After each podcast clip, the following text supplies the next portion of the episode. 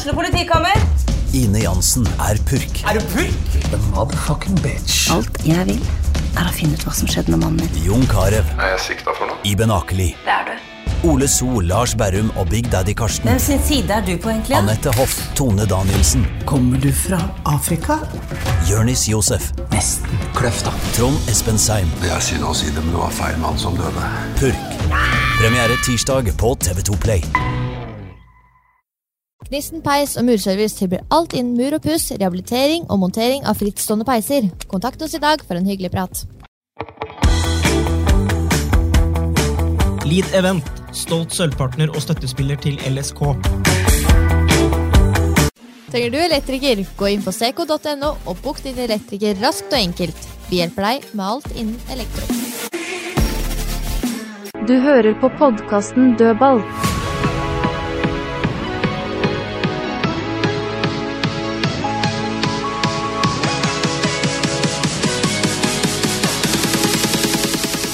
Da kan vi ønske velkommen til en eh, ny pod i regi RB.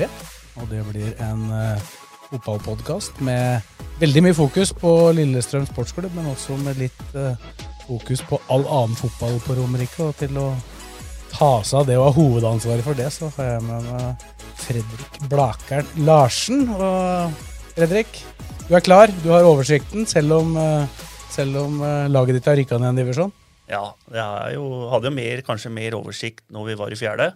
Men eh, nei, jeg følger med my mye, så jeg har ganske bra kontroll, ja. Så nei, jeg elsker lokalfotballen, så det er vel det jeg følger mest på på Romerike. Det er fo- lokalfotballen også. Litt med Lillestrøm og litt med Strømmen. Og Strømmen har jo nesten blitt lokalfotballen nå pga. de rykkene. så Og Ullskisa-rykkene, så Nei, dette blir moro. Det ble fint. Og til å komme med de faglige bidragene, og også en del annet, vil jeg tro. Tom Nordli, velkommen. Jo, takk for det. Da trodde jeg kravet for å være med her var fjerdedivisjon, men Blakkerne sniker seg med likevel. Sånn er det. Det er noen som, noen som har litt karma, som kan komme med på andre årsaker. Så det blir vel litt tut og rør, regner jeg med. Det blir vel det. I uh, tillegg så skal vi i hvert fall eh, en gang iblant ta med en annen stemme her òg, men uh, forhindra fra å møte i dag. Derfor så skal vi ikke røpe hvem det er, så tar vi det neste gang vi møtes. Dette er jo da den første podkasten vi kjører i gang, og som jeg sa, så er det LSK som eh, kommer til å være hovedfokus, i hvert fall i den første delen av uh, podden. Og det begynner jo for, i hvert fall for veldig mange å bli veldig lenge siden LSK var på banen i en kamp som betyr noe. Det begynner å nærme seg. Det er ikke så lenge til Det er under en måned til eh, cupkamp mot Nardo. Ja, det klør oss mange. Du leser på Twitter Per Tandberg, så lurte man om det var en blekk igjen hos uh, Mesfin etter eh, jula. og men når Tass da melder at uh, rolig, dette går bra, så begynner man å lure om det er maning eller antimaning på, på Tass her. Men uh, det har jo vært litt, uh, brukt litt blekk de siste 14 dagene her, da. Jeg fant igjen, fant igjen kulepennen litt over nyttår her. Så, sånn sett så har det jo kommet inn litt. og det kan jo komme inn mer, eller det skal jo komme inn mer enn det det allerede er. Vi skal jo gå litt gjennom det etter hvert. Men hvordan ser du LSK per nå, Tom? Det var jo en meget god sesong i fjor, uh, og fjerdeplass. Uh, selv om det i din tid ikke var betegna som suksess, så var det det i fjor. Nei, det var rett ut av hagen det i gamle dager. Med cupfinaleseier og fjerdeplass. Det holdt ikke. Men, sånn som Lillestrøm har vært de siste åra, så syns jeg jo alt som skjer nå på Åråsen, fra den bygger ut uh, ene delen av den gamle sittetribunen der, til uh, alt fra hvilerom til, uh, til videorom osv. Altså, alt blir enda mer profesjonalisert. Vi begynte med dette allerede i 2007, og da fikk vi jo litt kjeft for at, at det ble for seriøst og alvorlig osv. Men nå får de i hvert fall inn Geir Bakkarem de rette tinga, og det har jo skjedd mye på akademisida etter Tony Ordinas kom inn. og så det er mye som ser bra ut, og med hallen og de to treningsbanene så har jo nå LSK de beste rammevilkåra i Norge, eh, når du tenker på, på baner og, og, rammer, da, og fysiorommet der, og helsestudio og, og støtteapparatet, som før var tre-fire. De er jo 15-16 stykker nå med to og en halv stilling på fysio osv. Så, videre. så alt rundt Nå er det ikke så mye årsaksforklaringer og unnskyldninger på å ikke skape resultater. Og så ser jeg jo at det kommer flere og flere opp la Ranger og Eskil Ed osv. Fra, fra egen klubb. og den miksen der syns jeg har vært noe av det beste gjennom fjoråret også. At de de har kjøpt inn, har vært eh, Kairin Ogbu. Litt dyrere spillere, men i riktig alder og i forhold til salgspotensialet. Så jeg syns jo alt som skjer av utvikling, spillelogistikk fra akademiet og oppover, og, og spillestilsmessig, at uh, det er veldig bra.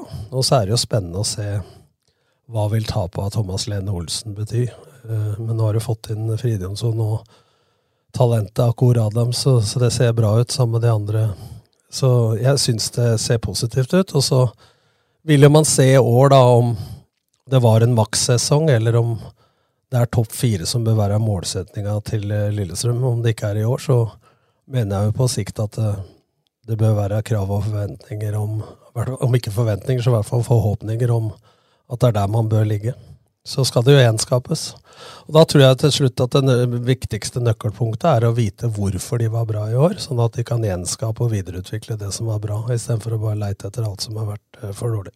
Og så er Åråsen-matta også blitt bedre. Ble jo bedre i fjor etter han ble sådd. og var jo første gang i historien tror jeg, at Åråsen ble kåra av spillere i Eliteserien til den beste arenaen i Eliteserien. Ja, når de i tillegg da legger om de to banene som kom når jeg var der første gangen. Eh, vi sa jo fra oss to spillere for å få de banene på Vigernesjordet, men jeg rakk jo ikke en økt før spana satt i jorda.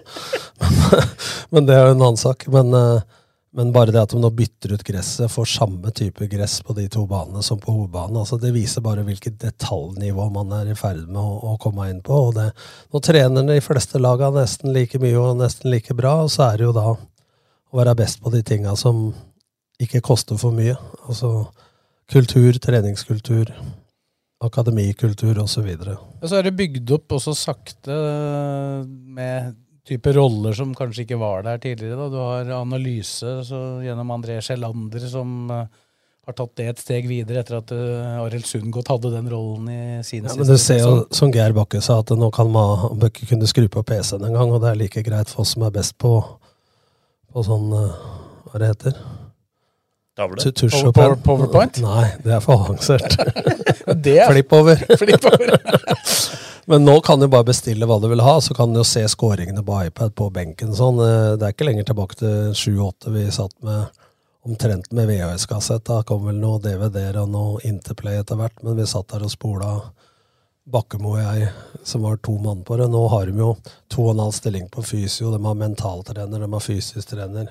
De har analysefolk, de har akademifolk, utviklingssjef osv. Så, videre, så det er klart at dette her er i rivende utvikling. Ja, så, altså Den mentale sida av det, da. Uh, der kom jo Mette Rossland inn uh, i 2020-sesongen allerede. da. Tidligere har det jo blitt henta inn den type ja, men det blir inn kompetanse når, det er krise. da. Ja, ja, men altså dette begynte jeg faktisk med 1998 i Odd. Ja, og Da så folk rart på meg, for jeg henta inn Frank Beck til å drive med huet uten at det var krise. Det var ingen som skjønte noen ting. Så det er klart dette har vokst fram. Men det som imponerer meg mest, det er den kulturendringa som vi faktisk var i ferd med å skape i 7-8.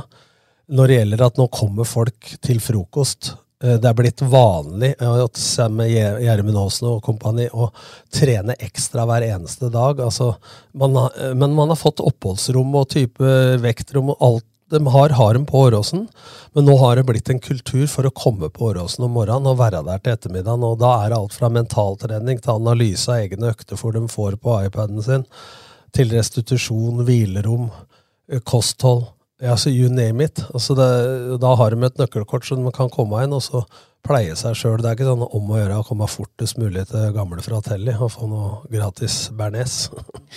du, du, har jo sett uh, litt på noen av treningskampene her, òg, Fredrik. Hva, har du sett noe spennende i disse nye gutta som uh, har vist seg fram? Nei, men det er sånn som Tom kan ta det først. Da. Som Tom sier, jeg er oppe om morgenen og går noen turer. Og da ser jeg faktisk Lillestrøm-gutta løpe klokka halv åtte om morgenen. Runde. Eh, så de er eh, de, Jeg veit ikke hvor mange økter som har økt nå etter Geir og Petter Myhre kom. Ja. De lå på 13 her nå i treukersperiode. Ja. Så har de vel tatt vekk den uh, morgenøkta. Så det er jo store forandringer. Du, kanskje du trente like mye på din tid. Men da fikk vi jo kjeft at vi trente dem i hjel. Men vi var kanskje bare forut for, Ja. litt forut for vår tid. da. Og vi var jo en av de første som begynte med, med laktatmålinger og pulsmålinger. Så nå har vi jo vulkanvester og får alt digitalt, så det er klart at dette går framover. Og dette er jo krav som Geir og Petter har satt når de kom inn. Og så har de fått med seg Kokkim og, og, og Mesvin på dette, sånn at eh, de stoler fullt og helt på at det er ting som trengs. Før var det litt sånn ja, dere kan jo parkere på Skedsmannen og gå bort. Ja, vi skal gjøre det fire ganger i løpet av dagen. altså de er så bortskjemte osv. Altså, her handler det om å legge forhold til rette for at vi spillerne skal yte det som eh, kreves av et kravstort uh, supportermiljø og publikumsmiljø i Lillestrøm. Strengt tatt så er det vel Mesfin som er arkitekten, og så fikk han inn Geir til å ta det enda noen hakk videre. Sånn at det, har, tror det har Det hjelper at flere slår på spikeren. Så de skal ha det. altså Det, det styret som har sittet her nå de siste åra, har, eh, har latt den sportslige delen er stort på det de uh, har sagt og gjort. da. Nå mangler det bare å få innbytterbenka over på andre sida, som jeg jobba Ja, for. du- fra du to- mener- du mener Ja, det er ja. viktig. Ja, jeg gjorde det fra to, ja, men hvis du må pisse, og her spiller i LSK, så må du gå 250 meter. Det er jo Ja, det. Det tar jo lengre tid enn det tok for Start å skåre tre mål. Ja, hvorfor, hvorfor har de ikke benka der uh, supporterne står? Det hadde noe med reklame og sånn å gjøre før, men nå er det jo rullereklame. Ja. ikke sant? Pluss at på Åråsen så er det de lengste og laveste benka. Og hvis du står ved siden av benken, som Petter Myhre gjør i Lillestrøm, hvis en er forbanna, så kan han bare kline ei flaske i huet på deg. Det er jo sikkerhetsmessig. På andre sida så er det jo tre-fire meter opp til første Ja, rad. Mye mer ja. fornuftig. Ja, det burde vi faktisk gjøre med en gang. Så Så- det, fra, hva Robert, hører du? Hva, heter, hva var dette programmet ditt hette? Dødball? Ja. ja, det er bare å Dødball sier det nå. Få kjørt disse her innbøttebulene over på andre sida. Hvis Bakk gjør dette, så klapper han i hendene. Det vet jeg. Det hadde vært en stor fordel for deg, da, for du sto vel og diskuterte med de tilskuerne bak der? gjorde du Ja, det går an å diskutere med dem på andre sida, bare at der sitter Tass og dem. Da, så det er litt hardere miljø. Men du må, du må, den historia må du jo dra, den der eh, fra Haugesund.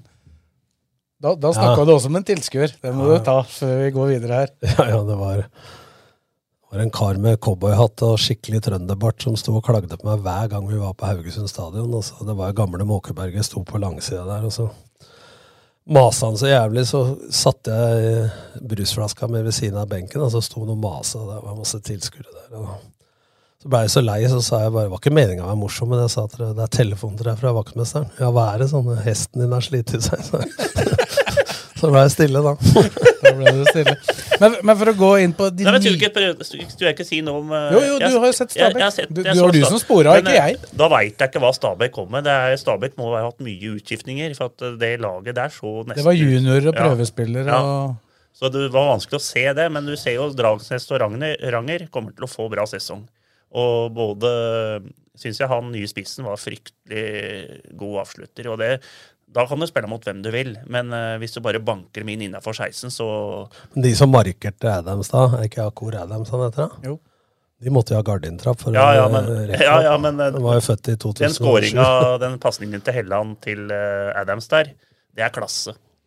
Han var ikke Og- ferdigskåra pasningen, for han, for han, eh, nei, gjorde en god jobb. Men, det, var men det er ikke mange som slår den Nei, det er ikke mange som gjør det, og den uh, avslutninga til Adams, det er, uh, det er eliteserieklasse. Men det jeg har sett litt i det siste, er jeg så det i måla, så så jeg kampen mot Djurgården. Det er jo faktisk at uh, den høyrefoten til i hvert fall Ikke når det gjelder avslutning så mye, bortsett fra mot Rosenborg, men uh, den eh, innleggsfoten, pasningsfoten med høyre til Helland er ikke så verst, skjønner du. Nei, den er ikke det. Ja, når vi først snakker om nye spillere, så kan vi kanskje begynne med Helland. For det er jo, det er jo egentlig isolert Ja, sett en ny spiller. Jeg har jo vært med i den synseligaen en del påkasser, og de gutta der er jo lagt Helland for hat, og han er så mye skada osv., så, videre, så jeg har prøvd å si at ja, han har hatt noen småskader, men etter han kom til Lillestrøm, så har de forandra treningsregimet rundt Helland helt. Fra å drive helt annen type fysisk trening, så har Geir Kåsene lagt opp til helt annerledes. Og hurtighetstester viser jo at han er hurtigere, og at han tåler flere repetitive sprint på rad.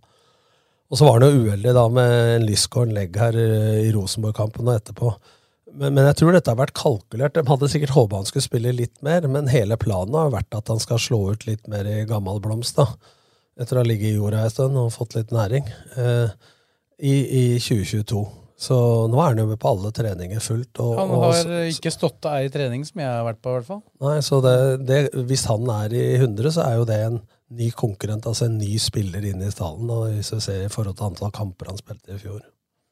Han, han spilte jo én kamp i fjor som kanskje han uh, aldri glemmer. Når han uh, Rosenborg bare banka ned i hjørnet med høyra, og så bytta ut uh, ti minutter etterpå. Sta, sta, sta, starta begge mot Rosenborg, og LSK vant begge. da. Det skal Ja. sies at Han gikk vel ut på stillingen Uh, Han burde ha gått av før han ble skada. Skulle skåret og så bare gått av. Ise ned denne foten der. Nei, han, han starta fire kamper, tre seier og en uavgjort. Det er jo ikke så gæren stats, det. da, Så får vi gjenstå gjenstår det å se.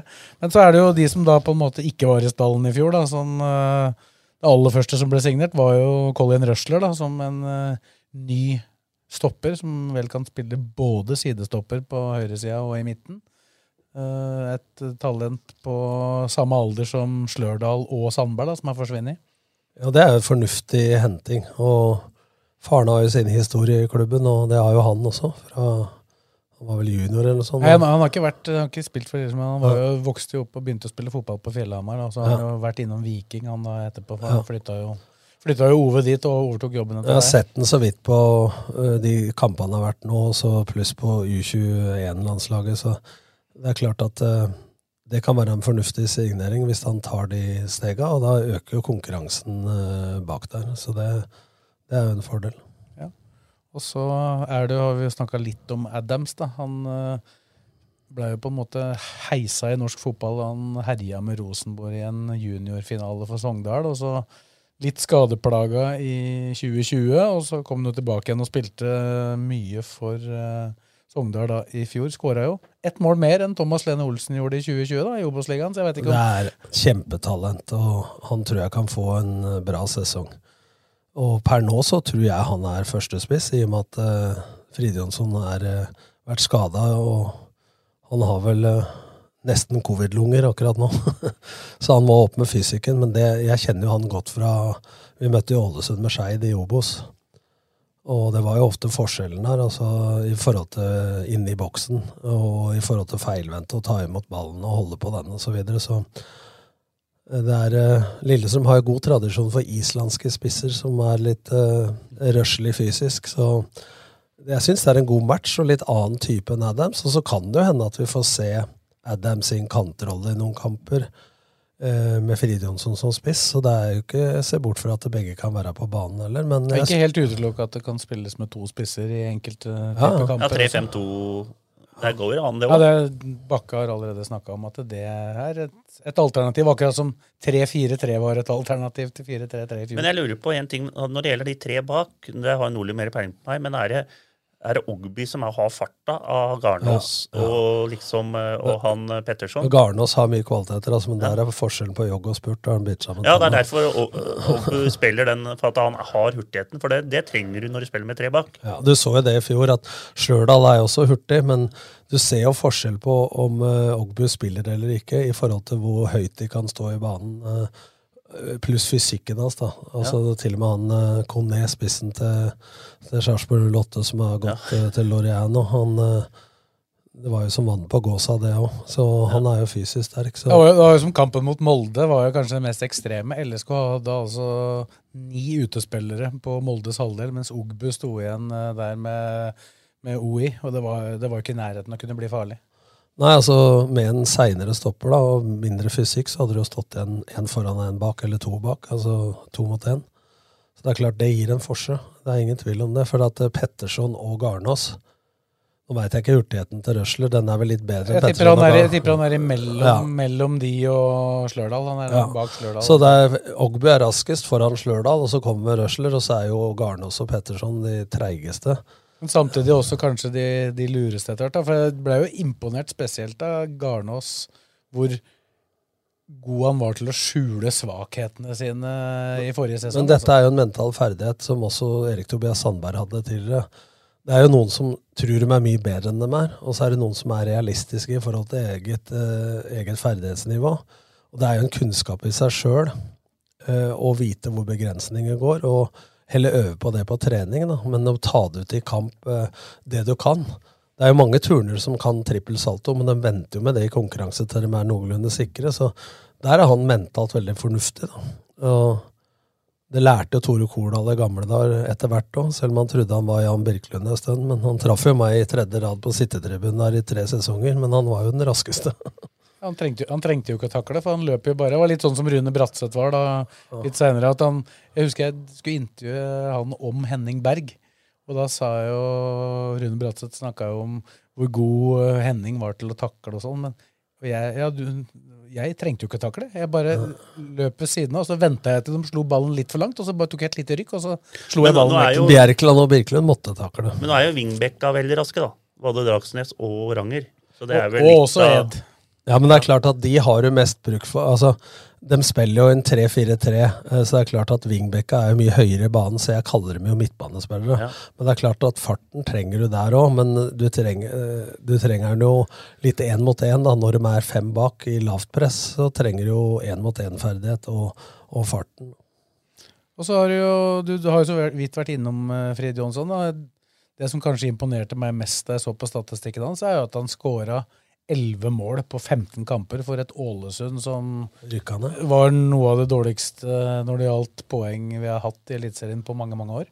Ja, og det er på et lag da som var lite inne i 16-meteren og hadde mindre ballbesittelse. Selv om de spilte med Bohin en viss ballbesittelsesstil, så er det klart at nå på et Lillestrøm-lag som normalt sett har en høyere spillstyrke med ball i laget, som vil ha flere situasjoner inne i 16, så vil jeg jo tro, for farten er ikke, farten er jo ikke hans eh, beste kvalitet, så det er klart at feilvendt og, og målskåreevne eh, og fysikken inne i boks og smartnessen der er jo å få satt opp han flest mulig ganger i forhold til innleggssituasjoner og sånn, det er- må jo være en prioritet. Så hvis Adam spiller, så er det jo mulig å slå ballen mer rett i bakrom, som det gjorde på Ja, Lene. det jeg har sett på trening med han, er at han er, han er mye kvikkere Selv om han ikke er rask, så er han mye kvikkere i kroppen og mye lettere i kroppen enn det jeg trodde han var. Altså, han kan vende til begge sider, skyte med begge bein, og han har en egen evne til å avslutte hardt med innside, og det er ikke noe dårlig egenskap når du er nært. Og så har han et tungt skudd fra Men det er lett å tro at sånne forhold Nå er ikke han høyde som Tor Ogne Aarøy, men alle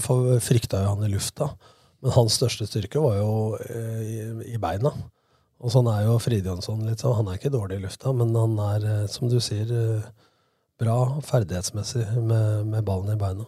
Ja, det er ikke alle som trenger, trenger ikke å være god på huet selv om du er lang, skjønner du. Hilsen Fredrik Larsen. Skåra 24 et år, ikke ett på huet. To cornera. Tvette mente at det var for dårlig på huet, så jeg måtte ta corner. Når corner. det er 1,97 og man tar cornera, ikke sant, så blir det Eneste grunn til at jeg sto i feltet, var Det blir som Harry Kane tok ja. cornera for eh, England i EM i 2016. Altså, Ja, ja, og alle frispark. Alt og alt, han. Traff ikke Han hadde, hadde ikke vært stadion, han treffer i vannet. Ute i LSK begynte jo med Thomas Lene Olsen. Han mente han var så elendig på huet. Han begynte jo å ta cornera. Han skåra jo direkte i mål på corner mot Stabæk i første seriekamp. Bomma på straffe, da. Vi reiv oss litt i huet der på England-Island i NIS når jeg kommenterte for NRK at eh, Harry Kane var ute og tok corner. Ja. Det var, Da er det, eh, Den siste av de som har signert, da, er jo Yldren Ibrahimai. Han uh, har vi jo sett først og fremst i Viking, litt i Mjøndalen, og kommer opprinnelig fra Arendal. sett den i Arendal. Ja, vet du. Ja, du har det. Har møtt den. Ja. Nei, altså, han er jo en, eh, ikke sånn typisk Rosenborg-Glimt-ving rett i bakrom. Han kan det også. Men sånn som Lillestrøm har spilt 3-4-3, med at kanta går innover for å gi deg plass til bekka, så vil jo han bli en det de kaller pocketen, den lomma inn der i mellomrommet mellom bekkrekka og midtbanen. Så vil jo han være en slags innoverkant. da. Og så har han jo gode ferdigheter én mot én og kan skape ubalanse. Så sånn sett så, så er det en spennende signering. Og venstrefoten hans syns jeg ser eh, ganske presis og god ut. Ja, altså, Han har vel spilt på begge sider, men han liker vel å spille høyre, så vidt jeg veit, og så gå litt innover. Det ble jo litt konkurranse mellom Men han og er han Helland. da. tobeint, eller er han venstrebeint? Han er nok tobeint. Jeg har sett også på treninger når Helland ikke er med, og det er han jo ofte ikke når han spiller. da. Kanskje så, så er det han også som tar cornera med venstre. Innover. Men nå har jo Helland, som du snakka om Helland, han er, like, han er ikke dårlig med høyre. Så han, eh, så han kan jo egentlig kan, kan sikkert gå og spille av venstre han og gå innover og slyte med høyre òg. Det er en som heter Gjermund Aasen som eh, kommer til å ligge litt på den sida. da. Så det, det, var- men, men det er jo nettopp jo det, plasser. Det jo det jeg skal fram til At med det her, nå Selvfølgelig mista Thomas Lene Olsen 26 mål, alt det. Eh, ingen veit jo om Thomas Lene Olsen hadde skåra 26 mål i 2022 heller. Men den rekka vi prater om her nå, de fronttrioen her, da, og de kombinasjonsmulighetene, spillertyper og sånn, hvordan vurderer Ja, du hvis, det? hvis du teller opp nå, så har du Ibrahimai og Helland og Tobias Svendsen, Gjermund Aasen, Fridjonsson og Adams. Det er seks stykker. Ja. med høy kvalitet. Og de som er borte derfra, er Thomas Lene Olsen og Daniel Gustavsson. Og spilte jo Knutsen en Ja, totalt sett så er de styrka, men det folk skal men jeg, jeg sier også det Lene Olsen, men han var så viktig for Lillestrøm i presspillet. Og han var arbeidsom, han var viktig på defensiv dødball, på å heade unna på sona på første stolpe, så han var mye mer en total spiller i fjor enn han var bare en toppskårer. Men eh, jeg har jo trent Start til sølv i serien med toppskårer Marius Johnsen som venstreback med åtte mål, men vi hadde jo forsvarsspillere og alt som eh, for, Skåringene var veldig fordelt, da. Og det ser du ofte på lag som har en tur i Mange var nest meste i fjor, da, i Lillestrøm. Tre-fire mål. Tom Petterson, tre.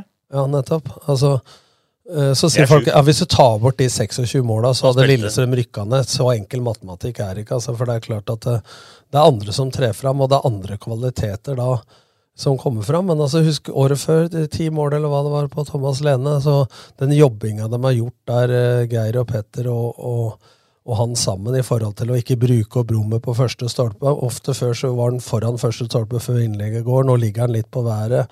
Kjører ofte bueløp og bakere, så han var jo smart nesten i boksen for Thomas. For den var jo egentlig mindre i boksen i Eliteserien enn den var i Obos. Eh, det Ja, er, han, han spilte jo ofte med tre stoppere rundt seg. ja, men, men det var jo fordi at i, i Obos-sesongen i 4-3-3 så hadde de indreløpere og kanter som starta altfor lite i rommet mellom stopper og bekk hos motstanderen, sånn at Thomas Lene var enten én mot to stoppere eller én mot tre stoppere. Så arbeidsforholdene for Thomas i den sesongen var helt annerledes enn de var i Eliteserien. Og da, da hadde han jo en ti assist, da. Ja, men totalt sett da, så, så mener jeg at det, er veldig synd å miste Thomas. Men folk skal huske på det også, at eh, han hadde aldri skrevet under for Lillestrøm når vi rykka ned. Hvis ikke han hadde fått noen lovnader om å, å slippes. Det er mange som spekulerer at det var altfor billig, men, eh, men eh, alder og marked og sånn har noe å si, så jeg tror vi skal takke Thomas for det, og så satse på at det blir halvannet år der, og så får han heller komme tilbake. Men er ikke det litt, når du snakker om det med Lene, også Petterson 3 Du må jo ha spillere som nå viser at de kan skåre mål òg. Aasen må skåre mer. Helland eventuelt hvis han spiller. Svendsen. Han Adams kan ikke bare regne med at han og han Fridtjofsson skal skåre 15 hver. Sånn er det ikke. Midtbane, Matthew, Karin, de skårer jo ikke mål, dem heller. Men det største forbedringspotensialet, som du sier, altså, det er rett og slett altså, Hvis man skal pirke noe på Åsen i fjor, så var ikke effektiviteten hans på mål, øh, målpoeng, ja, på assist, men han burde i forhold til antall sjanser ha skåret mer enn han Og det tror jeg han er pinlig klar over og enig sjøl. jeg har ikke talla på det, men når det gjelder XG, da, som er blitt så populært, så, så var Er det en bil, eller? Expected goals, da. ja, takk. Eh, så var det vel ingen som, som var lengre bak det man han skulle ha scora, enn Gjermund Aasen. For han, normal sesong så tror jeg han hadde skåra fem-seks mål. Altså det var så store sjanser at, eh, at det Hvor mange poeng det hadde betydd, det er en annen sak. For det var jo ofte i kamper som de fikk poeng Ja, for når han spiller så mye som han gjorde, så skal han skåre en fem-seks mål. Og han hadde sjanser til det òg. Ja. Så det var jo ikke Men så der, øh, jeg vil jo tro at øh, med en lik sesong at han vil skåre mer. Han skåra mer på trening nå i det siste, så vi får se om han tar med seg det inn i kamp. Og så har jo, hvis Helland spiller, så har han, med, han har en del målpoeng i seg. Adams har vist i Obos, og, har, og Fridjonsson har Dem er jo 10-12 målskårere, begge Ibrahim Mai for Viking i, i Eliteserien. Han kom jo til dem når de var i Obos. I Eliteserien så han, eh, eller hadde han 14 skåringer og 14 assists på to sesonger. da. Men eh, så, eh, bare én ting. Nå har jo Ed og Ranger på høyre. Men Ed kan også Dragsnes venstre. Hvem er neste mann der? Ja, Det er jo der du på en måte ikke Per, da, per i dag så er det jo Ed. Ja. Men uh, det var jo en danske på besøk her nå med kone og agent og alt i hallen her om dagen. Som uh, er vel ja, tiltenkt Fred, Fredrik Holst. Uh, Ja. kan jo, det kan jo hende, karer, at han er Lillestrøm-spiller da folk hører Eller når folk hører denne poden. Når du sier det sånn, så sier vi Sves erfarer. Og da sier vi at det er rimelig boksplakker, er det ikke? Jo, det virker, dette virka som det var ganske grønt. Det, Som var, vi sier på travbanen, at det er nede med 100 det sto i panna på Svesen at dette ordner seg. Må, han må feile i mål. Han må feile i mål, altså. Ja, vi, vi får se, da. Ja, Det er spennende å se da når Dragsnes får enda tettere konkurranse. Og så har jo, Nei, han, får ikke, han, er jo først, han er først og fremst sentral midtbane, han da. ja, men han Han spille. men han er også høyre wingback i tilfelle. Ja. Men det var jo det de hadde tenkt. De var jo interessert i, selv om de ikke har De har jo innrømma det òg, men de hadde lagt inn bud på Mathias Rasmussen. eh, Og han så de jo på som en to spillere i én, ved at han kunne også spille wingback. på Men det- Ja. Men det kan jo danske òg, da. Ikke sant? Ja da, men da blir, det, da blir det mer aktuelt å flytte Ed over. Men nå, de var jo ute etter en som kunne spille venstre back og venstre stopper. ja, den, ligger, regner- den ligger litt mer på Ja, men det tror jeg er lavest i prioriteringsrekkefølga, for at de bruker jo eh, Mine kilder sier at de bruker penga eh, på topp og bakover først. Ja. Så det er vel siste pri av det som eventuelt skal inn, er vel en venstre back slash venstre stopper, da. Ja, så det blir Enten blir det, eller så blir det ikke. På en måte. Det, er, det er ikke helt sikkert at det kommer til å bli sikkert. Hva er alternativet til enten blir det eller ikke, Svest? Det lurer jeg litt på. Nei.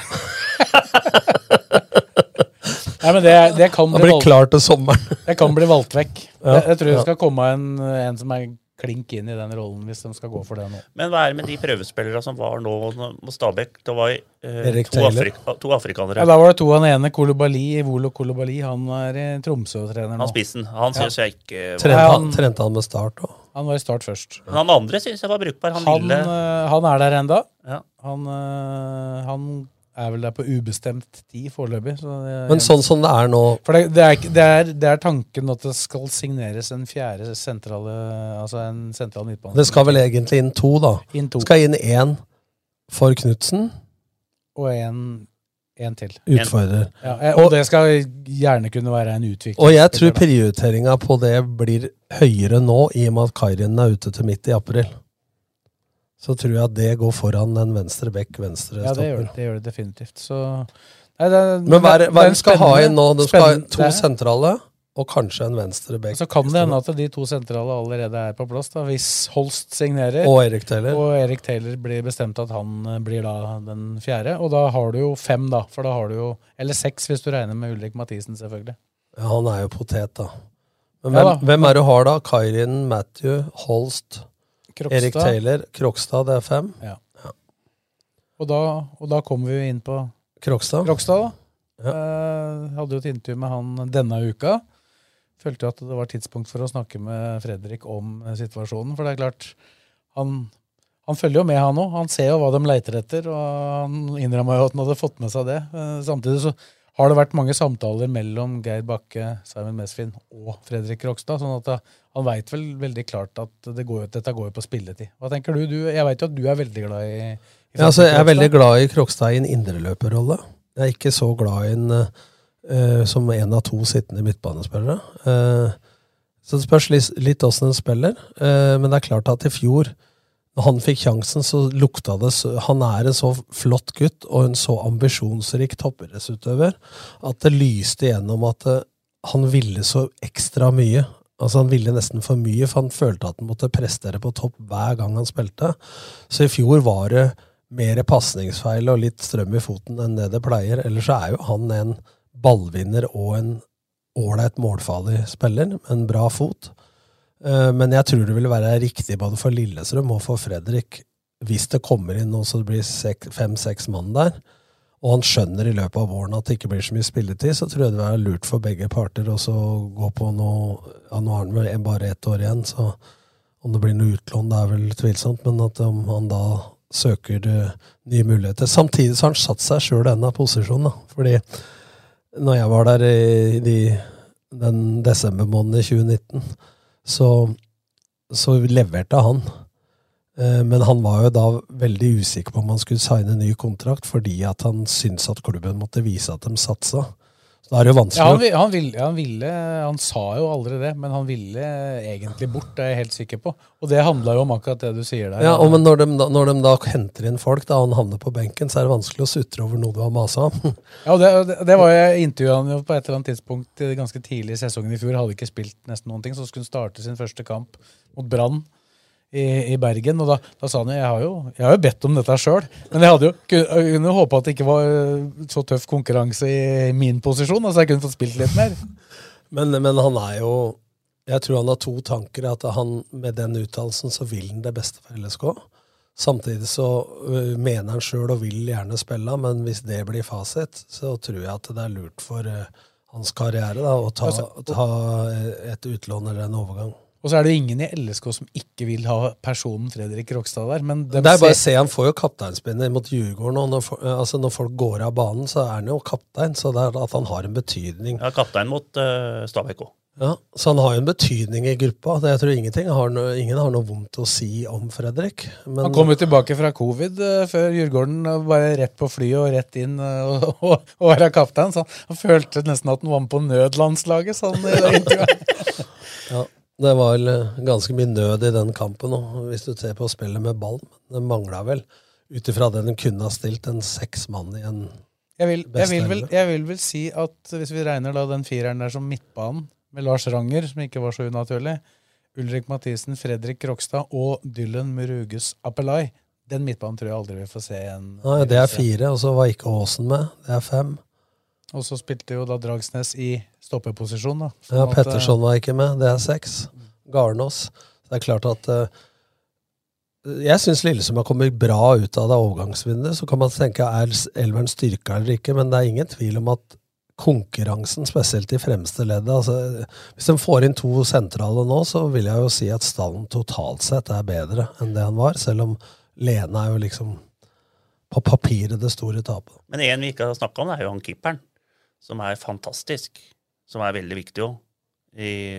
Han kommer til å stå alt hvis han er skadefri og hele pakka. Og han er vel også en sånn fra akade- akademiet. Ja, Både Mats Kristiansen og Ja, Eskil Ed har jo Som du opp. prata med i stad, Nordlien, om eh, disse Ed og Ranger og sånne ting, så har du en keeper også, som kommer til å være gull verdt for Lillestrøm. For han var fantastisk, var vel årets spiller i fjor, sammen med Lene.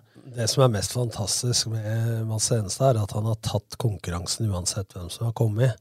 Det som imponerer meg mest, da Jeg var jo litt gæren at han fløy opp på tribunen av Ropert midt i, covid- midt i koronagreiene her, men han er jo en profil òg, ikke sant? Altså, og publikum elsker han jo som lo local lad.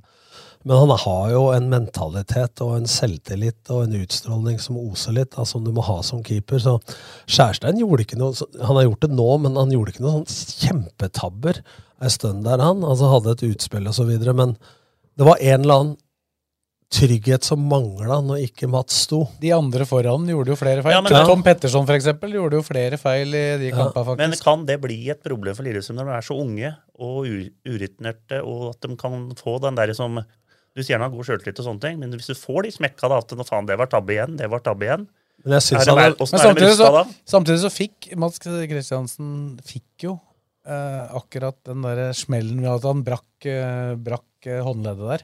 Var det jeg skulle til å han si. kom, til, kom tilbake da han hadde, vært på, han, han hadde jo på en måte vært på toppen av sin karriere. Hadde den fantastiske redningen mot Mjøndalen. Så ble han skada på landslagssamling.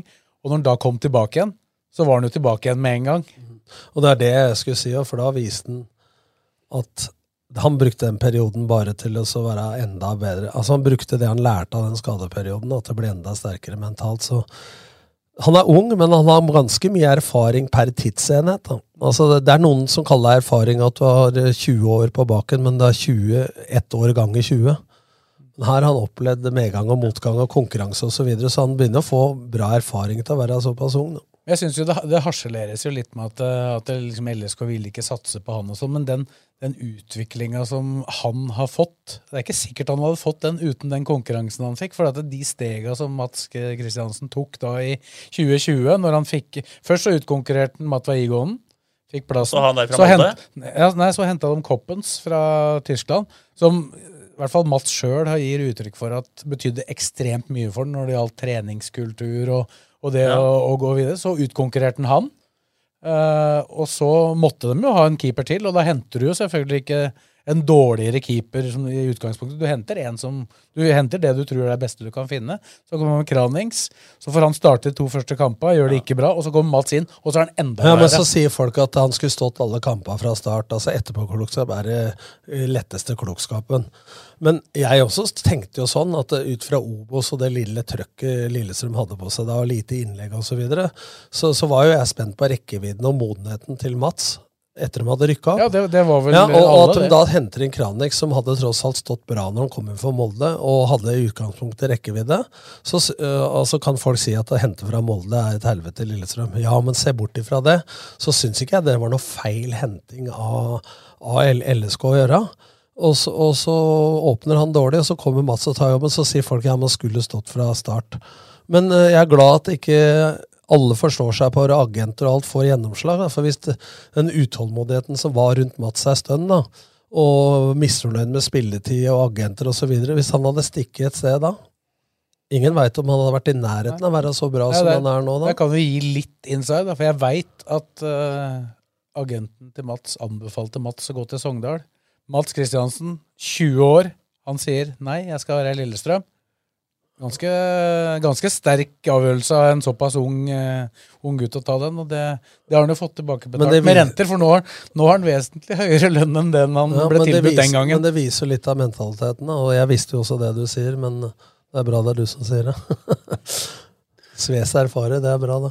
Men, uh, men jeg syns jo Jeg syns jo at Lillesund ligger godt an på papiret, og så håper jeg de får det. For at jeg er litt spent på hvordan det vil se ut. eh, Jeg tror ikke de skal kvitte seg med Krokstad for tidlig, for at du skal ha inn en ny en der, og når Kairin er borte. Du så det i fjor, at han var ute ei stund, og så selv dårlig trent og tilbake, så så du at den hadde betydning for laget, faktisk. Og, men en som er underprata, selv om da dem, det er en del LSK ihuga supportere som aldri har akseptert Matthew.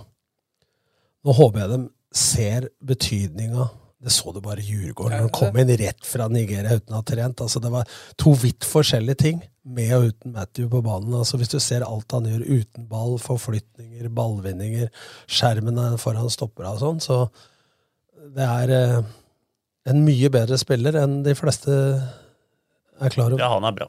Syns jeg òg. Nå har han jo søkt om permanent opphold i Norge, så jeg, jeg sa det jo til ham litt på fleip etter den kampen i Djurgården. De fleste supporterne tror at du kommer til å bli her nå.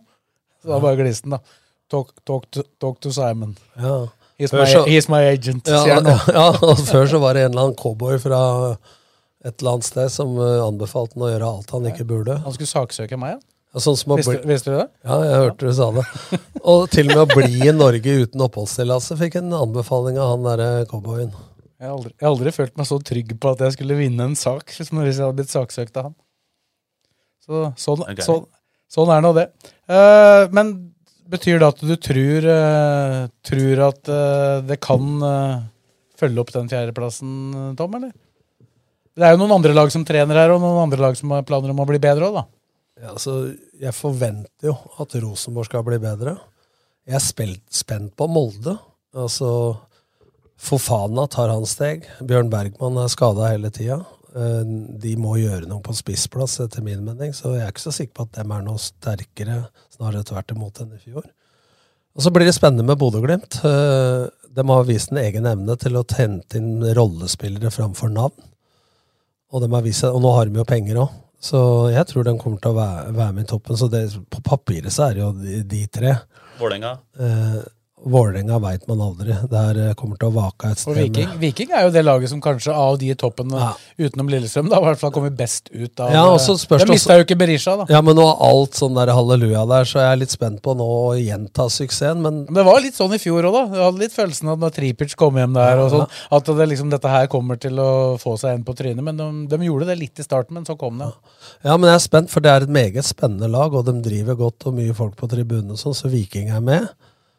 Og så veit du aldri hva Vålerenga er mellom tre og sju. De pleier å bli nummer sju hvert eneste år. Sarpsborg har vel budsjett til at de bør være der oppe, så får vi Ja. se om de klarer det. Men jeg ser ingen grunn til at Lillestrøm ikke skal uh, være topp seks, og innafor topp seks så er det meste mulig.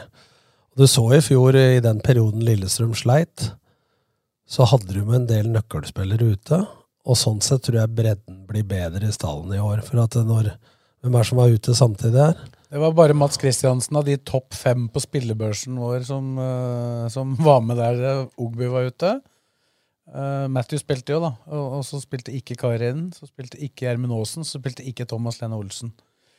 Så det er klart, Hadde du latt, tatt de fire inn på LSK-laget, tatt ut Tripic, Berisha, Bell og han derre Be Hvor mange, Brekalo hvor mange kamper snakker vi om at de var ute? Nei, det, var, det var bare den ene Løkberg. kampen hvor alle var ute. Ja. Men de var jo én og to og tre ute hele tida i en fire-fem kamper der. De gikk jo en rekke på seks-sju kamper liksom, uten å vinne, gjorde de ikke? Nei, var det så lenge? Nei, det er mulig. Men altså, det var i hvert fall en Tom, periode. Thomas Lene Olsen var jo ute bare en, den ene kampen. Ja, men så nærme er de faktisk å ta et steg opp òg, da. Ikke sant?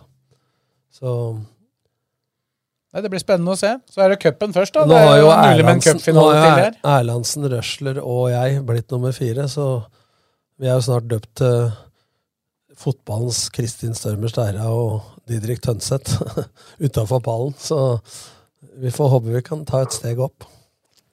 Ja, det er muligheter for det. Cupen, da? Den skal jo gå den veien. Nardo, Ja, det er jo, det, det, vi er jo på vei litt over Ja, ja, din er kategori her nå, Det- Fredrik. Nardo er jo grønt, men uh, så er det Bodø-Glimt borte, er det ikke det? Ja, Hvis de slår Ålesund. Ja, det Det- gjør de jo. Men, det er jo.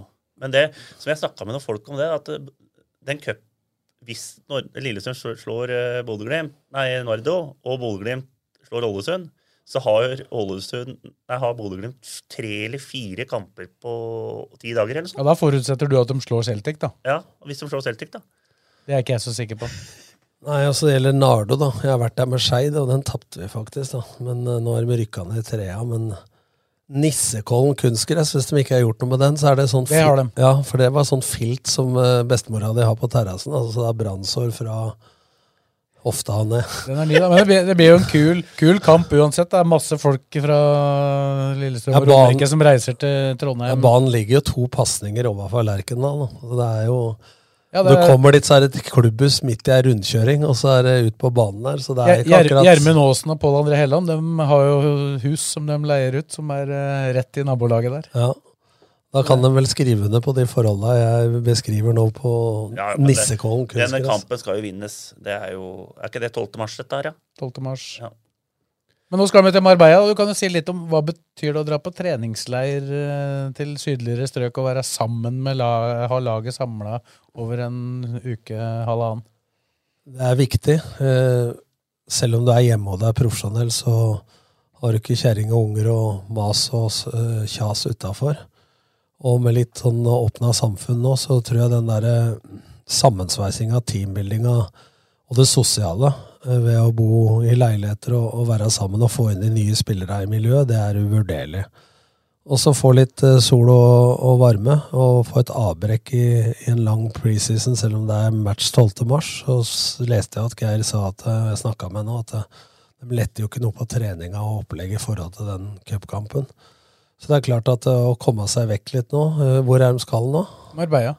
Ja, for det er jo noen som har dratt til Olivia Novian og Odd blant annet, som jeg kjenner litt til stedet, som er et fantastisk nytt sted, men det er mange som er i Estepona, Marbella Ja, for, de som er, for de som er kjent i Marbella, har vært der før, da, så skal de trene nå på det Marbella fotballsenter, det hovedsenteret. skal de trene nå. Ja, da har de lagt penger i det, skjønner jeg. For jeg vet ikke om vi skal tørre å si hva det koster per økt der. Det koster jo en tusenlapp bare å gå på do.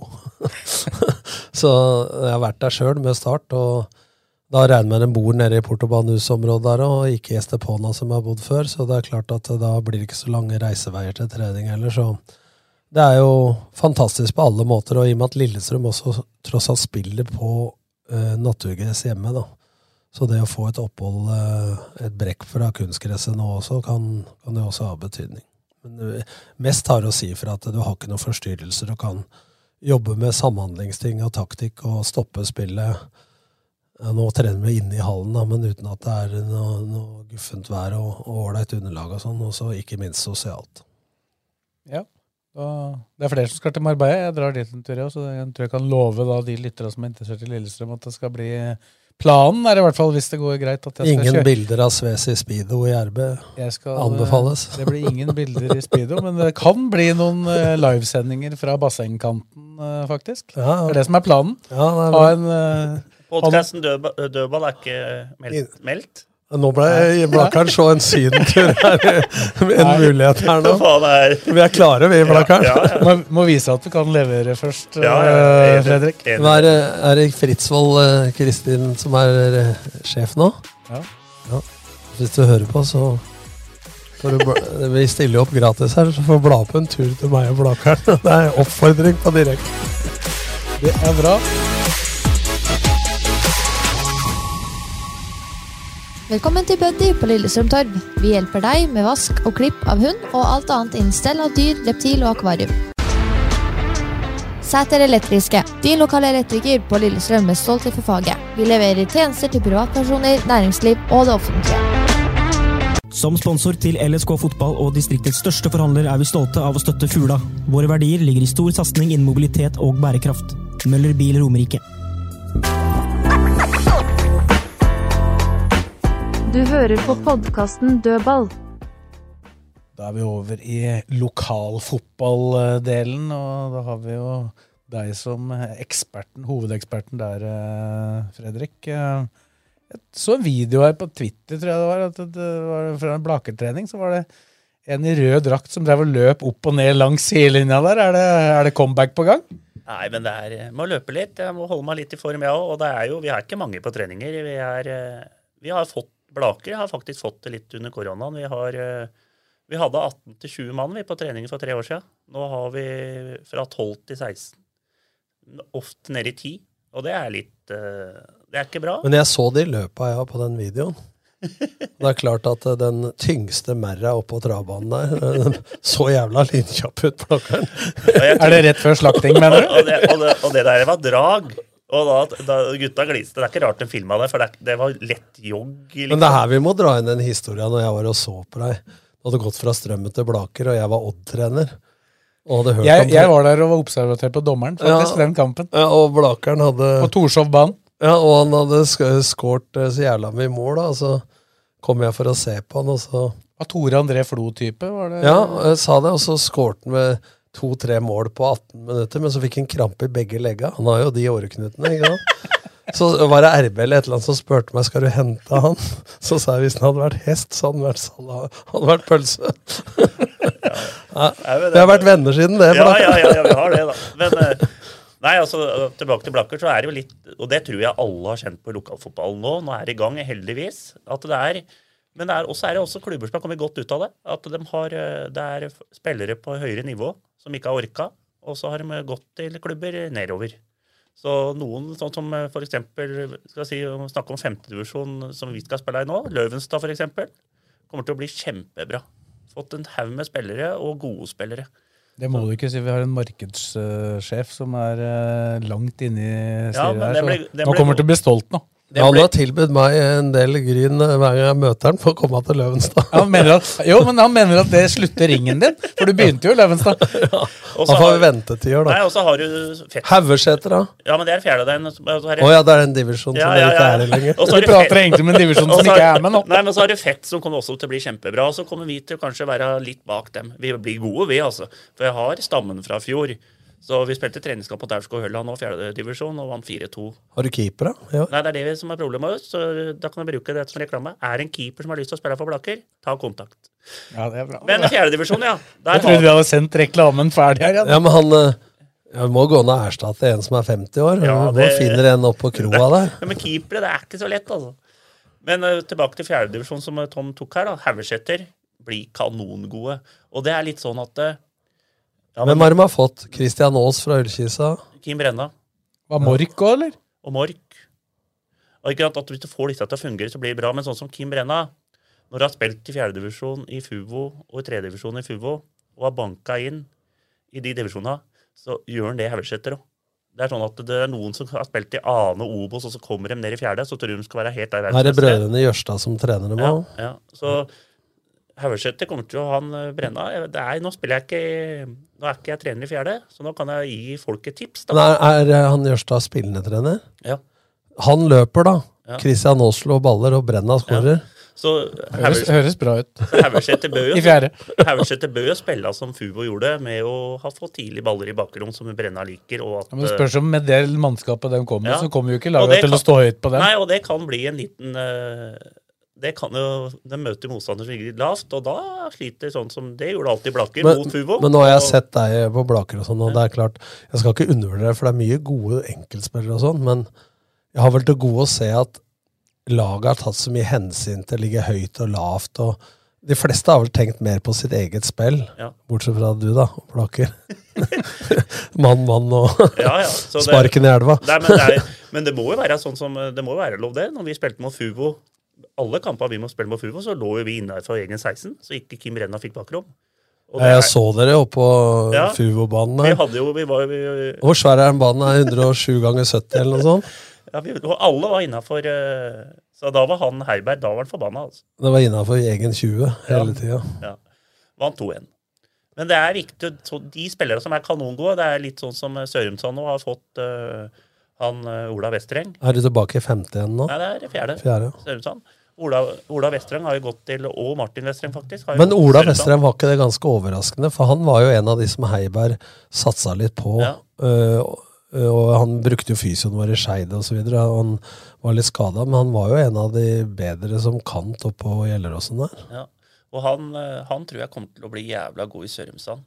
Og der har jo faktisk han øh, broren hans òg, som er kanongod. Og så gikk jo Raim, han som var toppskåreren til Sørumsand, han gikk jo til Skedsmo. Hvorfor spiller disse der og ikke Blaker eller Aurskog? Nei, det er vel De var jo i Hølland, da, men de bor jo de spiller, Jeg veit at de spiller sånn futsal med disse Sørumsand-gutta. Så de har Hvem trener Sørumsand nå? Det er han Yng Yngve Servold. Det er en ny som kom inn der. Så han treneren av Vold, han ga seg. Så nå har de, Og så er jo vel Per Christian Melby PK har jo to sønner der, som han er blakker i Aurskog, han gamle Aurskog. Det har jo vært en sånn rokade på trenere ja, på det. det har vært helt, Nå har jeg lest litt om dette her nå, og jeg har fått med meg mye om det. Og det er jo vært Eidsvoll tok jo tilbake I- Eidsvoll IF, ja. Ja, hadde jo trener, treneren som uh, Trond Jonny Lien? Ja, han Nei, han Roy uh, Berg. Berg. Roy Berg han gikk, var, jo, gikk i, opp, var i Oppsal. Han var i Eidsvoll, gikk til Oppsal og tilbake i Eidsvoll nå. Trond Jonny Lien var i Eidsvoll, gikk nå til han var meningen at han skulle til Holter, hørte jeg prate om. Men han gikk tilbake til Raunes Årnes. Og Jonny Hansen, som hadde Raunes Årnes, han tok over Fuvo. Og Jonny Hansen er den gamle Lynspilleren Ja. fra Eliteserien. Han overtar da for Tommy Grønvold, som Ja. er borte der. Så det er, eh, den bytter plass mange her. Det er eneste bare jeg som blir i disse. Eh, Hovde er fortsatt på Kløfta, eller? Hovde er på Kløfta. Kløfta blir sterke i fjerdedivisjon. Er hvis jeg skal rangere topp fire i fjerdedivisjon, så er det vel der Det er Kløfta uh, Haugeseter kommer til å være der oppe. Eidsvoll IF blir gode. Og så er det noen outsidere der som kan Raune Stårnes. Kan de ha jævla mye unge, gode spillere? Kan være der. Nå har jeg sikkert glemt én klubb som jeg hadde tenkt på i stad, men eh, Sørumsand kan overraske litt, men så er det så klart Skedsmo som også blir gode, da. Så, Der er det fortsatt uh, Gjelsvik ja, som Gjelsviken er som ved eh, styringa. Resten av klubba der så er det vel det samme som har vært der før. eh, Og, men det er jævla mye Det blir jo sånn at du kommer til å følge med mye i fjerdedivisjon selv om du ikke er der. Selv om jeg kommer til å være mer i femte da, nå utover. Så nå, det er litt rart. Har Skedsmo fått mye spillere nå, eller? Nei, de har fått han Raim. får kanskje ikke kjøregodtgjørelse for å kjøre til Tromsø lenger? jeg vet ikke. De har fått han Raim fra Sørumsand. Han er jo bra, og broren hans spiller der også. Og så har de fått en til fra, fra Sørumsand, som er eh, brukbar, så Dette er fjerde. fjerde. Men trea, da? Du, du Vi har hoppa ved trea. ja, Nei, vi er, på, vi, sti, vi er på stigning igjen. Ja, for vi har vært i femte. Vi er ferdig med bladet. Ja, ja, vi er ferdig femte og ferdig fjerde. Men, men du kjenner jo Ørjan Herberg. Jeg trodde jo han skulle bli på Gjelleråsen og få dem opp i annen divisjon. Ja, for det er et, en av de klubba jeg ser på som potensielt kan ende der etter hvert. Jeg har jo vært litt samtalepartner eh, for Ørjan og sett en del treninger osv. oppe på Gjelleråsen. og Det er godt miljø, og de har uh, hatt ganske profesjonelt opplegg. eh. Han eh, Moss som jeg hadde i Skeid, gikk jo dit, og de hadde ganske profesjonelt opplegg. altså med videoanalyser og, og medisinsk osv. Og, så videre, og, og trente enormt bra i covid der. altså Ørjan var ekstremt flink til å holde regla, men finne på treninger og holder i gang. eh, Selv om det gikk litt utover Ja, De hadde jo en bra sesong, men Ja. de møtte jo overmakten i Gjøviklyn. Ja, altså. De hadde vel rykka opp i hvilken som helst annen avdeling, vil jeg tro. Det er Bent Inge Johnsen som har kommet Ja, Bent. Inge kom egentlig som assistent tilbake igjen fra Lyn for å være assistent for Ørjan. Og så gikk jo Joakim Dragsten fra Eidsvoll-turen til Hødd. Og så er jo de kompiser, han og Ørjan, og så ville han ha med seg Ørjan opp der, for Ørjan er jo en litt annen type og mer på feltet, så de er vel mer i praksis mer to trenere enn en trener og en assistent. Så han eh, De er jo lei seg, men han jobba ut i januar, faktisk, da, for eh, han skulle jo besøke meg på gården i Skien eh, i sommer, og han valgte å sitte 14 timer i døgnet og analysere oppå Gjelleråsen der, så han har vel gått av Og nå deler han leilighet sammen med Joakim Dragsten, så jeg, jeg håper de prater litt mer enn ball oppå der nå. Så. Men det er jo to trenertalenter og som er veldig dedikerte dette, som Hødd har fått tak i. Så det er jo synd for uh, turen, og så er det jo synd for Gjelleråsen. Så Bent Inge har jo vært der før og har veldig god connection med Raymond uh, Johansen, han daglige lederen. Så For, for mitt inntrykk fra utsida er at det jobbes jo godt i Gjelleråsen. De er, Ja, de ja, ja, de er en klubb som Ja, ja. på en måte er på stigende, da. ja, så er det spennende å se, da, fordi Bent Inge og Ørjan er vel to vidt forskjellige typer, da. Han er jo veldig laidback, eh, Bent Inge, så der må spillere i større grad være altså, mer selvstendige, og de er jo vant til å bli piska veldig av Ørjan, da. Så de er litt forskjellige typer, så det er spennende å se åssen Men absolutt, det er dem og Lørenskog som sannsynligvis er de to, Lørenskog to har beste lokale. Lørenskog har mista Singh, også han høyrebekken. Han, eh, Begge til Moss. Ja, Moss. Hva heter han høyrebekken? Han var i Skedsmo, så gikk han til uh, Lørenskog kanongod. Sto i RB her om dagen. Hva heter han da? Stå stille her nå. Nei, vi, vi går videre. Men Lørenskog blir jo sterke. Og Gjelleråsen blir sterke. Er vi sikre på at Lørenskog blir så sterke? Hadde en sesong under paret i fjor, hadde de ikke? det? De var mye bra spillere. Jeg tror de blir gode. altså. Mye unge spillere. Det var et ganske ungt lag, så vi får se. Det kan hende de utvikla seg litt. Det ble jo en veldig spesiell sesong i fjor, da. Han ene som spilte sammen med sønnen min i Lørenskog, som gikk til Lillestrøm, er vel tilbake i Lørenskog og har fått spille litt. Han Askildsrud er vel der. Og så har du LSK2, du har Fuvo. Og så har du Skjetten, da. Ja, med Skjetten, Kai Holt ja. tilbake i tredjedivisjon der med, med Skjetten. Ja. Eh, Satsa jo voldsomt for å komme seg tilbake igjen. eh. Men de satsa voldsomt. Eh, Var det økonomisk, eller var det treningsmessig? For jeg så det mot Gjelleråsen. Jeg vet ikke hva Og det er De klart fikk i hvert fall inn en del spillere. Det er klart at det er noen på topp der som vil jogge litt mer, hvis de skal hevde seg i trea. For det var tungt i fjor, altså. Selv om Na var navnmessig var de jo ja. vesentlig Ja, bedre enn det, det, det, året jo- de rykka det- ned. Det blir jo sånn at de må jo Tredjedivisjon er et stort steg. Det er vel kanskje det største steget. eh, Fjerdedivisjon til trea. Altså, Hvis du tar Eh, dette før og tilbake, som du sier nå, før så var den gangen det het Tippeligaen, så var det ganske stor avstand eh, midt på 90-tallet mellom Tippeligaen og førstedivisjon. Ja. For førstedivisjon den gangen var to avdelinger. Ja. Så når jeg kom til Odd i 98, så var vel det første året med én avdeling. Ja. Og da ble største avstand mellom første og annen. Ja, og og så var jo annendivisjon var jo åtte åtte. Og så ble det ned i fire. Og nå er det to. Og er det to. Ja. Så var den største avstand mellom annen og trea, og så var vel trea 19 avdelinger eller Ja, Og nå er det seks. Og nå er det seks, så er det klart at eh, nå er det Så er det to litt mer mosjon og, og pub da, i, i fjerde, selv om det er mye gode spillere der òg. Så er det største, jeg er helt enig med deg, største, med den argumentasjonen, så er det største spranget mellom fjerde og trea, sånn som det er nå. Så, er, så toppen av trea og bånn av annen, den er ikke Den er marginal. Nei, så, Hvis Blaker hadde spilt mot Gjelleråsen, da Vi tapte 5-0 mot annetlaget til Gjelleråsen. For, sju, for, år, nei, for fire år siden så slo vi på Bruvollen Gjelleråsen. Så ikke sant, den avstanden at nå hadde vi ikke sjans mot lag, Vi hadde tapt 15-0 mot Gjelleråsen i tredje divisjon, og vi spilte i fjerdedivisjon. Ikke sant? Det er, den forskjellen er helt sjuk, altså.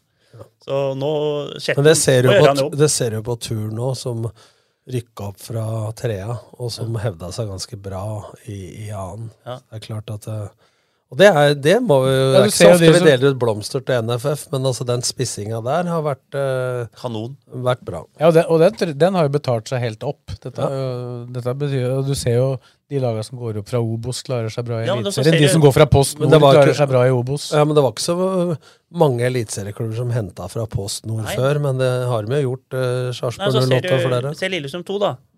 Når de har kanonlag, så herjer de ikke mot uh, middels tredjedivisjonslag. Det er ikke sånn at de vinner 10-15-0.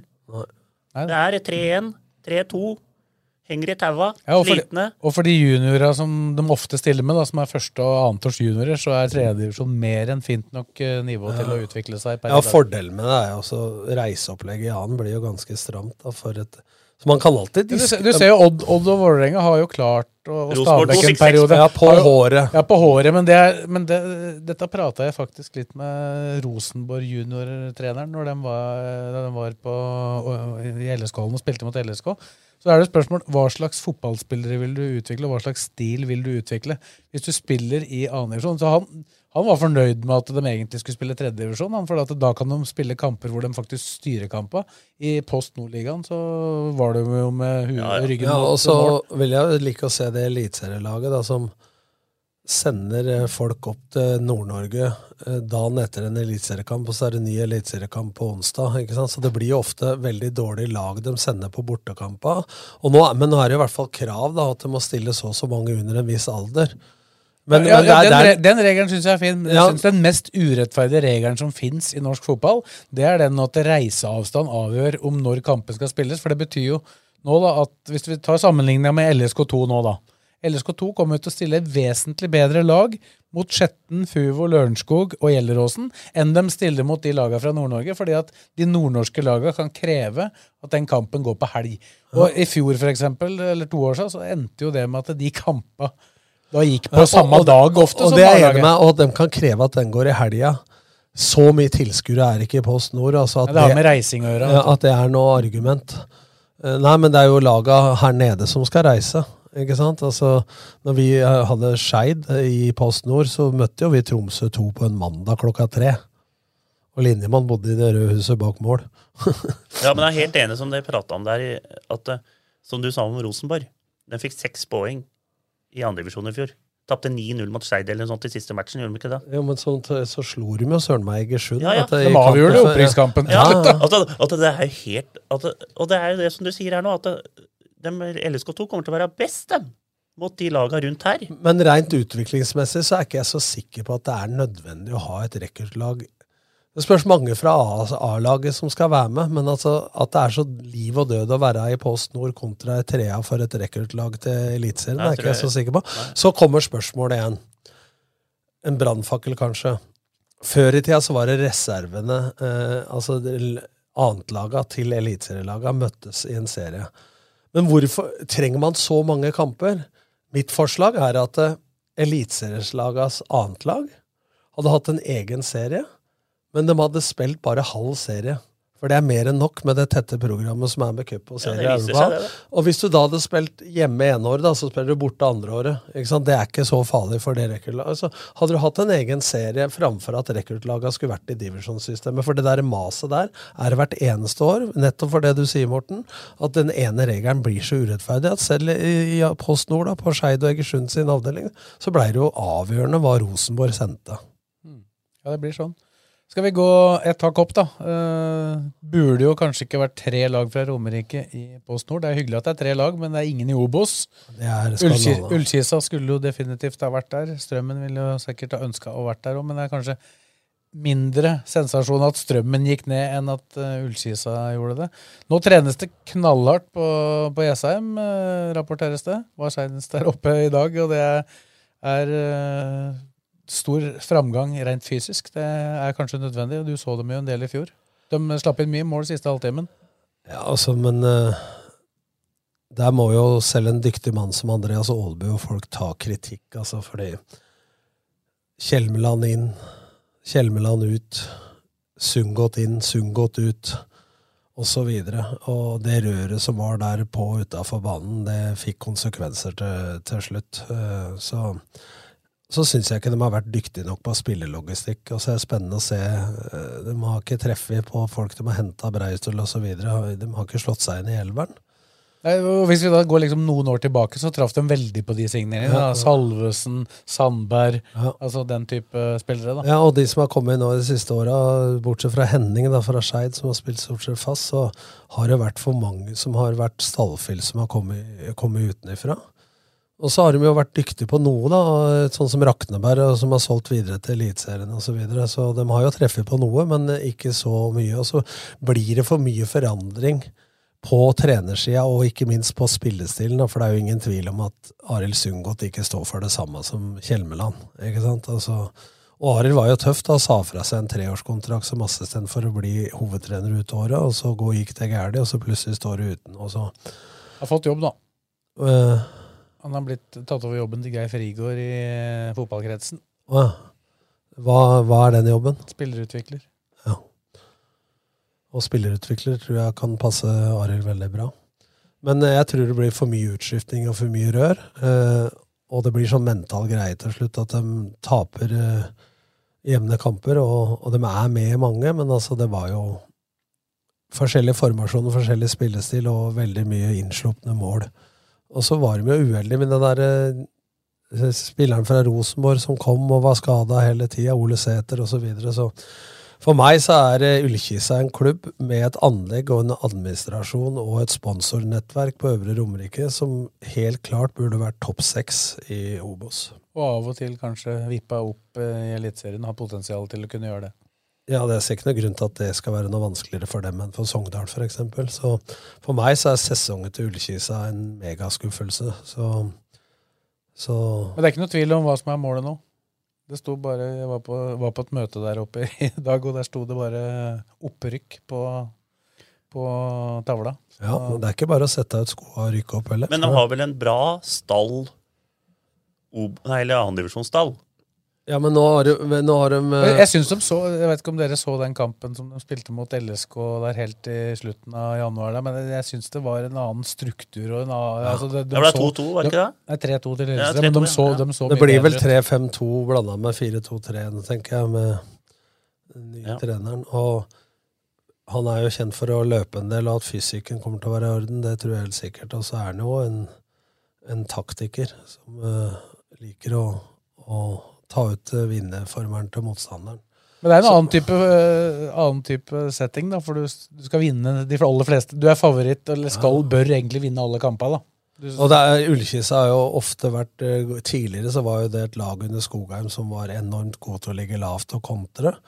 Så kommer Kjelmeland inn med frispilling og, og at man skal da bli bedre i angrep mot etablert forsvar. Men det er der jeg mener de har mest å hente. Da. Og nå kommer de til å spille mye mot, eh, som du nevnte her i fjerde, altså mot laget som ligger lavt. Så det blir en utfordring for, eh, for Kisa. Det er ikke bare å sette ut skoa og rykke rett opp igjen i den divisjonen der, eller? Så har jo Vi var inne på Strømmen. Der har jo Casey han har jo mista nesten en halv stall, ikke sant? Men de hadde jo åtte vet jeg, på kontrakt som har Obos fortsatt i blodet. Det sto i Romerike at Christian Jahr har han lagt opp, eller?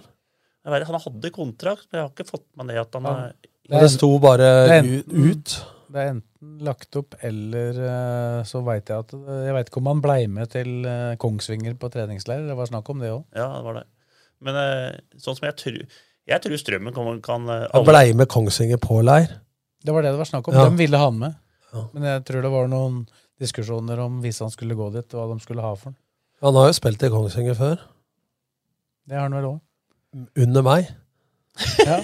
Men fikk ikke spille. Han var veldig ung. Men-. Det vil si, han spilte ikke. Men der har jo, jeg så Strømmen og Eidsvoll Turn. Da mangla begge laga spillere, så det var ikke noe stor match. Men eh, de hadde noen typer Strømmen som var på prøvespill der, som kan Men jeg bli tror være det- gode. Så Strømmen skal ikke avskrive det, for det er mange som bare mener at den Ja, helt- med tanke på et opprykk, tenker du på? Ja, det, eller ja, ja, det kan nok uh, Men hvem har de nå- fått inn? Hvem er klare? Ja, AP Pontognoi kommer jo til å komme fra Lillestrøm, i hvert fall. Ja. Og så har det vært snakk om han eh, Han eh, Nik Nikolai Solberg. Solberg. Nevøen til Tommy Tass. Han har vært uh, Men da, men da blir det jo da blir det problemer i familien. ja. Men det er jo sånn som Strømmen alltid har gjort. Det er jo at det ordner seg alltid til uh, slutt når sesongen starter. De har jobba med spillere helt til uh... Men hvem jobber med det nå? Det er ikke en Espen Olsen der og en lenger. Nei. Det er Casey sjøl. Men jeg tror Strømmen nå vil gjøre dumt hvis de De er en fordel at de ligger der de ligger, og det er folk som begynte på idrettshøyskolen osv., så, videre, så de må ha det nettverket der. Samtidig så tror jeg det er om å gjøre å få litt spillere med en eller annen Romeriks, altså lokal identitet igjen også, hvis det skal komme mer enn 37 på tribunen. For at det i Post Nord nå, med den økonomien som er på strømmen, og drive og hente inn folk fra øh, overalt, det tror jeg er dumt. Men jeg tror de øh, må være våkne på det der studentmiljøet i Oslo og sånn, altså Ja. folk som søker hit. Men så er det Strømmen også, det er, det er i kultur der, da. Det er fotball, og det er litt som eh, Men, men hva er kultur? Det er litt sånn spennende spørsmål. fordi Jeg husker jeg kom til Fredrik, så her er det fotballkultur. Ja, Det sitter i vegga. Ja, Men det gjør ikke det. Altså, det, det er historie, men kulturen ligger jo egentlig i humankapitalen, altså menneskene som er der. Så hvis alle menneskene blir borte, så er det ikke noe som spretter ut av vegga. Selv om strømmen har tradisjoner. Så det kan bli en sånn sovepute Ja, for folk. At, men strømmen har Det største problemet til Strømmen er ikke at det, det fins jo ikke egen rekruttering. Du må hente Ja. alt Nei, men den er litt bedre nå, da, rekrutteringa.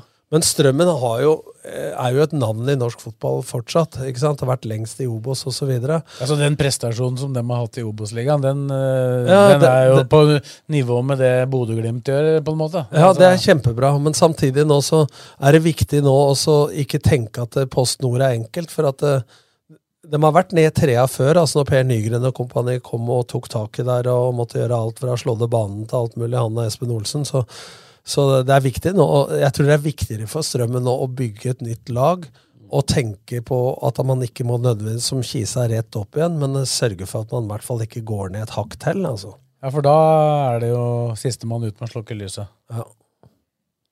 Det lyset ble vel ikke nytt heller? Nei, det ble, jeg veit ikke åssen det blir. Men, men når vi snakker kultur, da, så kan du si mye om fotballkultur. Men Eidsvollturen, det er Altså, jeg vokste jo opp eh, med at Eidsvoll-turen var høyt oppe på, i systemet.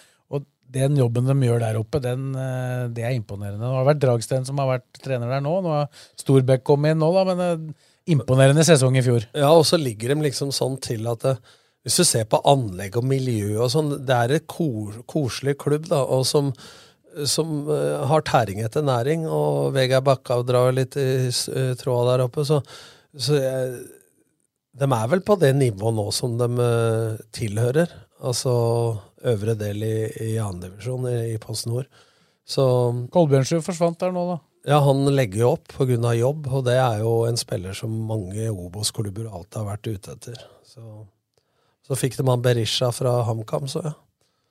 Ikke han Berisha, men Nei, ikke han ikke han fra Stavanger. Ikke han og ikke broren. så Nei. det, Nei, det blir spennende å se. Det skjer jo litt der. Det er jo da en Storbekk var jo Raufoss i trenerteamet til Christian Johnsen. Og så har jo de hatt litt tendens De hadde jo en uh, ganske hissig assistenttrener i fjor, uh, Kvam. Men uh, det er klart at Dragsten Det passer Lynne der mulig, men uh, Storbekk også er ekstremt lugn, da. Så jeg, så jeg, Hvem er det han tok med som assistent nå? Eh, det sto et eller annet sted her, nå står det stille. Men jeg tror du må ha noen som utfyller der òg, sette av trøkk. Men nå har de jo litt ansatte, Roar Halvorsen på som daglig leder, og Bakkhaug som sportsleder, som jobber på si osv. Så, videre. så det er jo en veldrevet uh, andredivisjonsklubb. Og dem skal jo da være i avdeling med Kisa, så vi får jo det der øvre Romerike-oppgjøret, Ja, ja. da. Er vi, vi, vi skulle jo e- egentlig ønske Romerikes Blad at vi hadde et lag i Obos-ligaen, men når vi først da ikke har det, så er det jo gledelig at vi kan sende de kampene til eh, Vi sender jo samtlige kamper Ja. i, i eh, Post Nord-ligaen. Og så skal jeg og Nordli skal jo på fullt av matcher til uh, sommeren, så da skal vi lage sånn egen sånn pølsebørs. og pølse- og vaffelbørs, for det får Faen, Blakkaren, jeg har begynt å trene Nei, men og ta tak i helse her. Men, men dra kiosk- men kioskene? Da tar jeg med stokken, da. For han trenger Nei, Nei da. Men vi må få Det er jævla viktig at eh, kioskene ikke har uh, jævlkokte pølser og brente vafler. Og er det litt det skal vi ordne, og den beste skal få premie her fra RB, fra dødball. Og det kan jeg ordne, altså, den premien. Er du enig, Sves? Ja, ja. Pølsebørs! jeg kan bli, jeg kan bli med på den. Men det du Nå er- sier nå er vi på breddeball her. Men, men, han sier, ja, men han sier at vi skal på mye kamper, og det må jeg si etter to sesonger i covid. Og er noe Jeg ser heller en kamp i Post Nord, trea, fjerdedivisjon. Snakke med kollegaer, venner.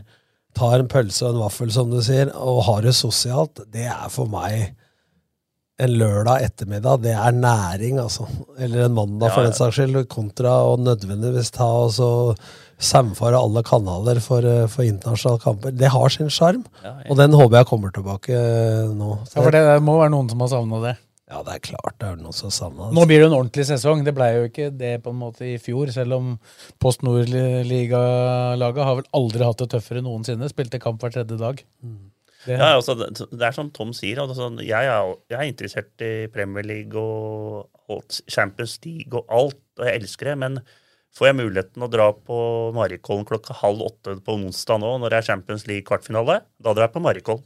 Ja. Det er ikke sant det er den. Jeg drar i ishallen og ser på Lørenskog spille hockey istedenfor å se på eh, Europacup. Det er Det det er litt sånn at eh, vi må ut nå, så må vi bruke penger på lokale idretter istedenfor å sitte hjemme på ræva og se på TV.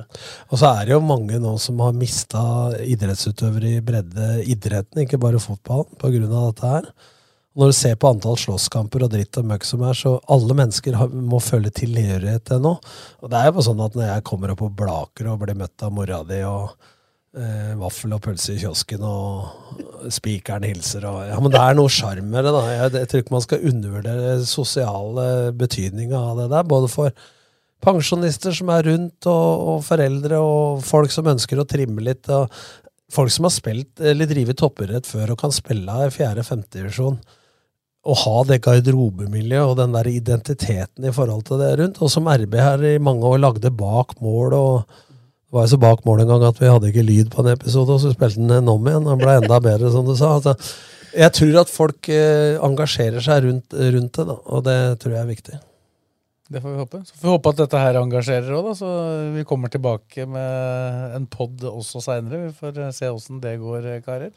Skal vi si at det var bra? Hvor mange lyttere må du ha for at det skal bli en Nei, det, det, det, det veit jeg ikke. Nei, jeg tror nok det garanterer at det kommer flere. Men det kommer nok ingen flere episoder, i hvert fall før eh, komme tilbake fra, fra Spania.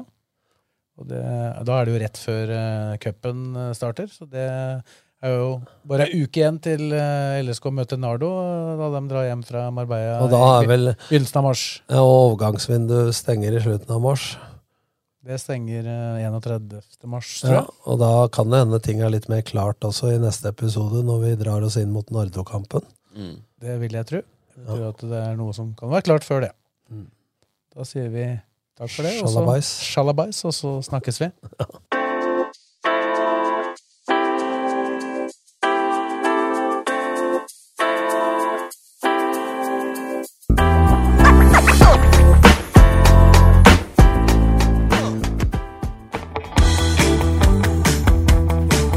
Lead Event, stolt sølvpartner og støttespiller til LSK. Gnisten peis og murservice tilbyr alt innen mur og puss, rehabilitering og montering av frittstående peiser. Kontakt oss i dag for en hyggelig prat.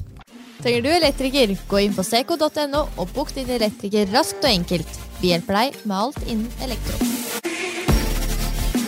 Velkommen til Buddy på Lillestrøm Torv. Vi hjelper deg med vask og klipp av hund og alt annet innen stell av dyr, reptil og akvarium. Sæter Elektriske, din lokale elektriker på Lillestrøm med stolthet for faget. Vi leverer tjenester til privatpersoner, næringsliv og det offentlige. Som sponsor til LSK fotball og distriktets største forhandler er vi stolte av å støtte Fugla. Våre verdier ligger i stor satsing innen mobilitet og bærekraft. Møller Bil Romerike.